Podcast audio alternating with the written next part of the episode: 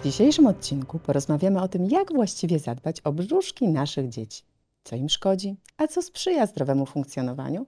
Zapytamy dietetyczkę Wandę Baltaza. Dzień dobry. Dzień dobry. Maluszki często borykają się z brzuszkowymi dolegliwościami. Coś je boli, popłakują, mają problemy z załatwianiem się. Dlaczego właściwie je bolą te brzuszki? Co im szkodzi?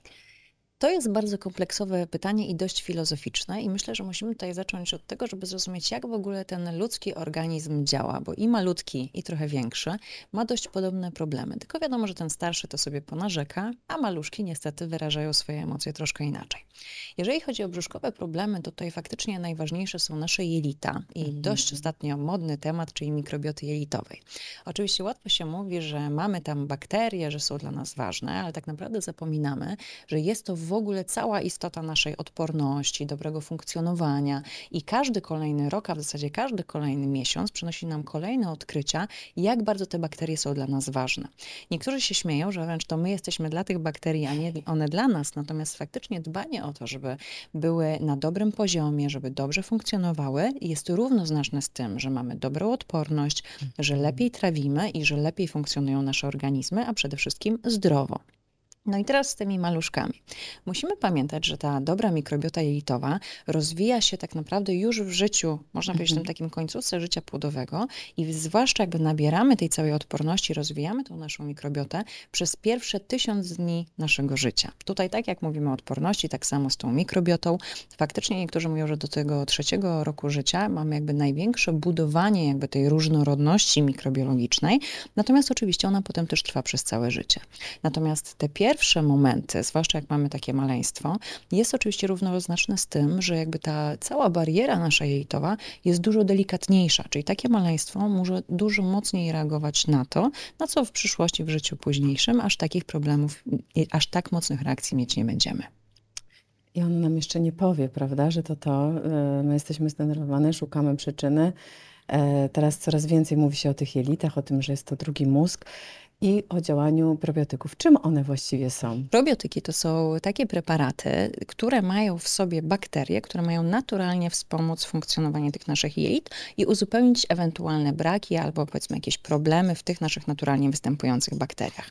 Natomiast oprócz probiotyków mamy jeszcze prebiotyki, czyli te substancje, które są można powiedzieć takim naturalnym pokarmem dla tych bakterii i wspierają też ich rozwój, bo musimy tak naprawdę patrzeć na wszystko. Mhm. Natomiast zawsze musimy pamiętać, że tak samo jak przy okazji okazji innych suplementów czy dodatków do naszej diety, to jednak dieta i właśnie to żywienie jest podstawą. Czyli najpierw musimy dobrze jeść, żeby zadbać o to, to się ładnie nazywa bioróżnorodność naszej mhm. mikrobioty jelitowej, a potem możemy zawsze uzupełnić tą naszą dietę w ewentualne szczepy, które są nam potrzebne do dobrego funkcjonowania.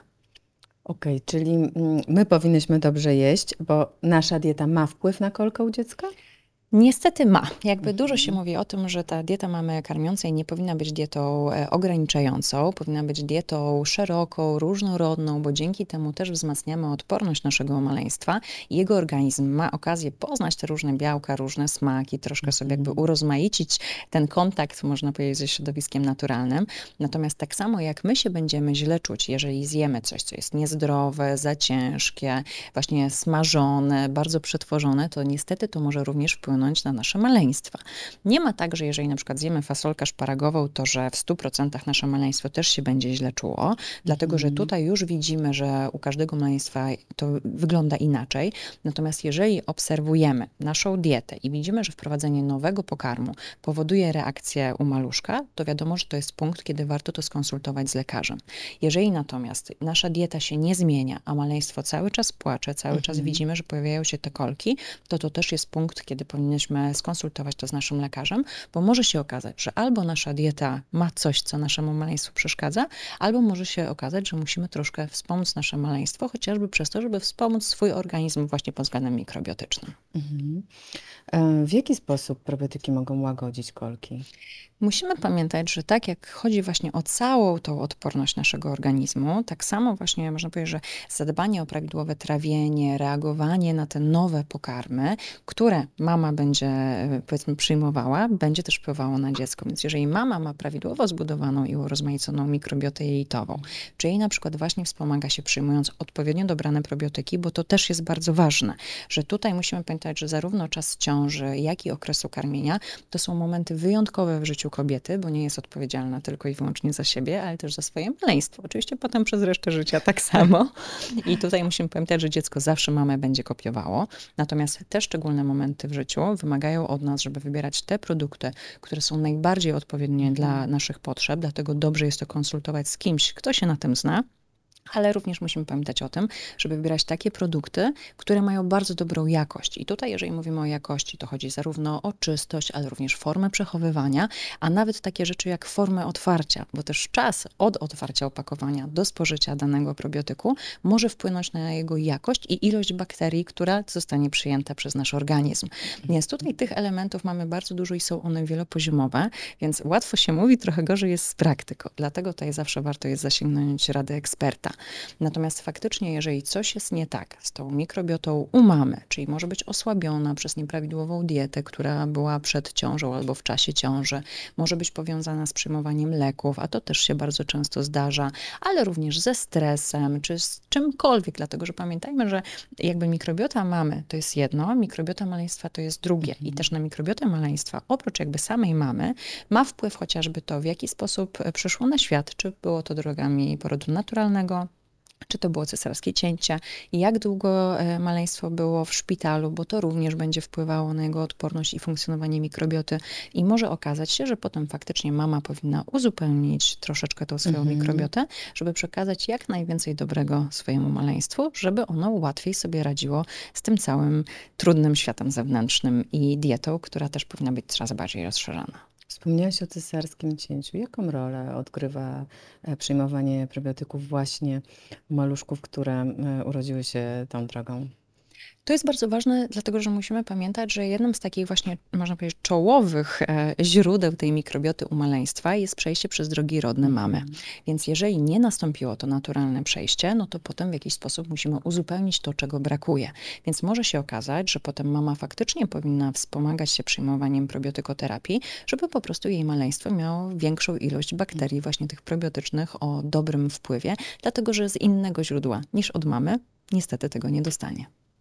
Mm, kiedy nasz, e, malusz, nasz maluszek cierpi, boli go brzuszek, widzimy, że coś się dzieje, to mm, mamy już tą świadomość, zakładam, że, że coraz więcej świadomych rodziców e, tego, jak ważne jest zadbanie o jelita i chcemy kupić ten probiotyk dla maluszka. To czym się kierować, wybierając ten najlepszy dla naszego dziecka.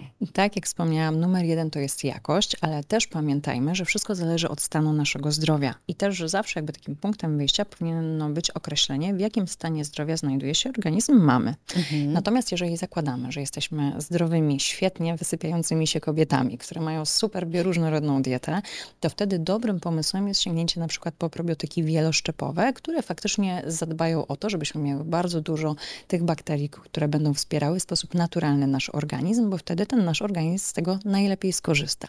Natomiast Wieloszczepowe, tak? E, wieloszczepowe, tak? E, dokładnie tak. To y, czym one się różnią? Bo są wielo i jednoszczepowe. Czym się różnią i tak właściwie co powinniśmy wybrać? Dobra, to tak jak mamy różne kultury na świecie i mamy różne nacje i różne narodowości, tak samo jest z bakteriami, czyli mamy różne szczepy bakterii, po prostu one są z różnych grup, z różnych rodzin mhm. i są odpowiedzialne za wiele różnych funkcji. Czyli na przykład mamy bakterie, które są ściśle odpowiedzialne chociażby za produkowanie śluzu, czyli takiej, można powiedzieć, pierwszej, e, można powiedzieć, warstwy ochronnej, która w ogóle oddziela nas od tego, mhm. e, jakby dzieli nas, ten nasz układ odpornościowy od tego, co przyjmujemy.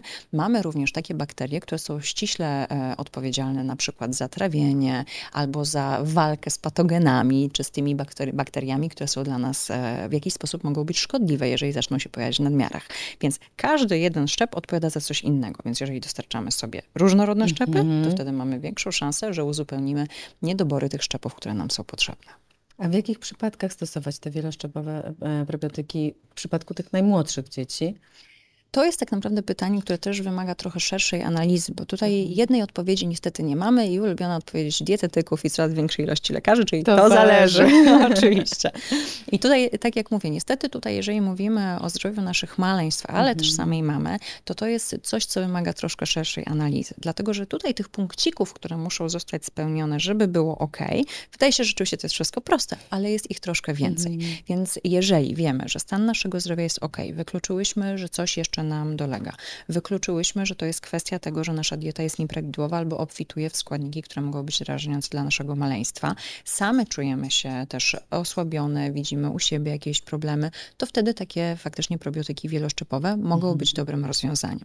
Natomiast zdarzają się sytuacje, kiedy po takich probiotykach też będziemy się czuły źle, będą się pojawiały większe wzdęcia i tak dalej. Wtedy warto jest zawsze to skonsultować z lekarzem, czy to jest dla nas najlepszy wybór. Natomiast jako taki punkt pierwszy, to myślę, że to jest akurat coś bezpiecznego, biorąc pod uwagę, że na tą bioróżnorodność naszej mikrobioty wpływa przede wszystkim urozmaicona, dobrze uregulowana, świeża dieta, obfitująca w produkty najlepszej jakości. Oczywiście wszystkim tego życzę, natomiast wiemy też, jak wygląda niestety współczesny świat i coraz więcej mamy jednak problemów właśnie z tymi dysbiozami, czyli właśnie z zaburzeniami prawidłowej ilości tych poszczególnych szczepów bakteryjnych, które naturalnie występują w naszym organizmie.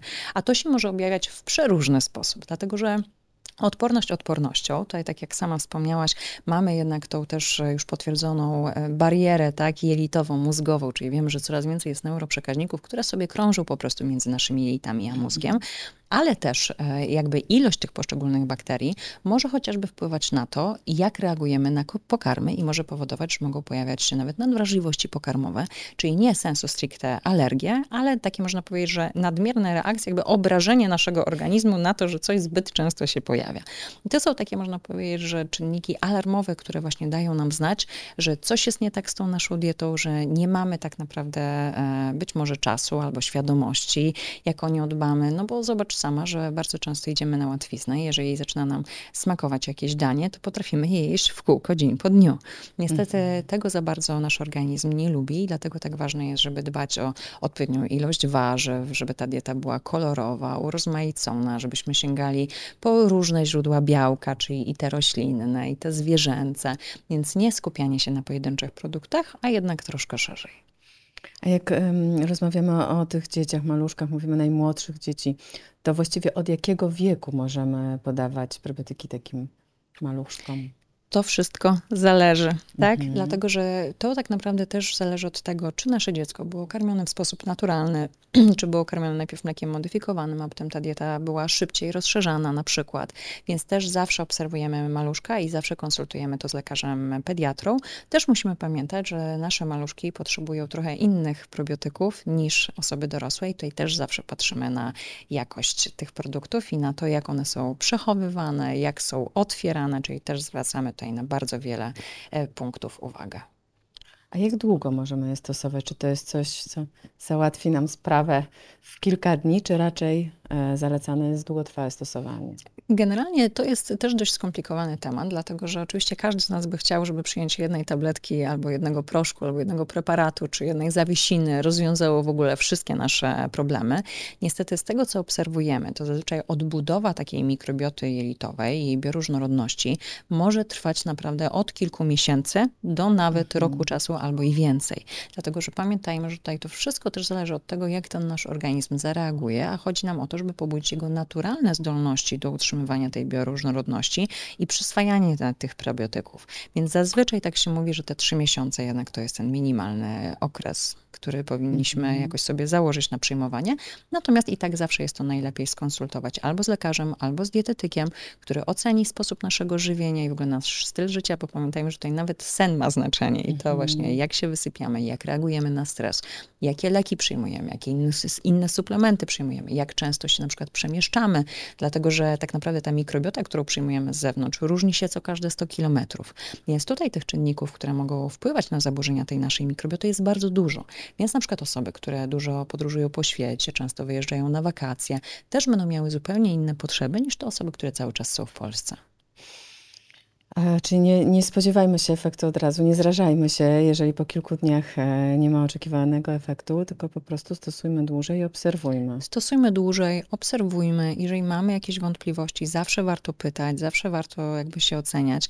Natomiast tutaj zawsze, tak jak w innych różnych przypadkach, co myślę, że już do znudzenia będę powtarzać, bardzo kluczowa jest jednak samoobserwacja. W tym wypadku również obserwowanie zarówno siebie, swojego organizmu, jak i właśnie maleństwa.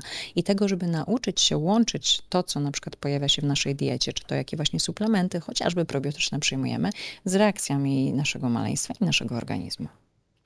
Jakbyśmy miały tak podzielić, co szkodzi brzuszkom, czego nie lubią małe brzuszki, a co jest dla nich dobre i sprzyja temu dobremu funkcjonowaniu. Droga mamo, a jakie są mamy obserwacje na ten temat? Bo to zawsze trzeba jakby zacząć od tego, co same tak naprawdę możemy mm. zaobserwować. No myślę, że generalnie jakbyś się najadła e, dużego burgera, nie do końca dopieczonego, z jakimiś ciężkimi frytkami, no to raczej będziesz się sama źle czuła, prawda? I mm. też jest mhm. większa szansa, że coś tym małym brzuszkom może zaszkodzić. Więc oczywiście jakby tutaj numer jeden to jest kwestia samych alergii pokarmowych, pokarmowych czy nietolerancji pokarmowych, które również mogą się rozpocząć bardzo wcześnie i tutaj właśnie ta obserwacja też może pomóc nawet potem lekarzowi pediatrze tutaj ustalić, czego potrzebuje nasze maleństwo i czego w razie czego z diety jakby mhm. na pewno będzie trzeba tutaj uniknąć i ograniczyć, wykluczyć, ale tak naprawdę wszystko to, co będzie dla nas negatywnie wpływało na nasze zdrowie, no to to jest taka podstawa, tak? Czyli te właśnie rzeczy, które są smażone, wysoko przetworzone, te, które są, powiedzmy, y, wyglądają nieświeżo jeszcze przed przygotowaniem, tak? Czyli tutaj ta czystość też e, produkcji. Wiadomo, że jeżeli my będziemy miały jakieś zatrucie pokarmowe, to to też dużo bardziej może mhm. wpłynąć na nasze maleństwo. Ale również takie rzeczy, jak chociażby gazowane, kolorowe napoje z konserwantami, z barwnikami. To wszystko jest coś, czemu stanowczo powinniśmy mówić nie. Jeżeli chodzi e, o takie produkty jak słody, czy taka żywność typowo przetworzona, czy chipsy, jakby okej, okay, pamiętajmy, mhm. że zdrowa dieta to jest 80 do 20 i 80% czasu powinno być super, 20% czasu mamy jakby miejsce na przyjemności. Natomiast czym innym jest zjedzenie fajnego, smacznego, dobrego jakościowego ciastka czy fajnych lodów, niż sięganie cały czas po takie produkty wysoko przetworzone i tłuste po prostu, bo to mhm. wiadomo, że też będzie się odbijało na zdrowiu małych brzuszków.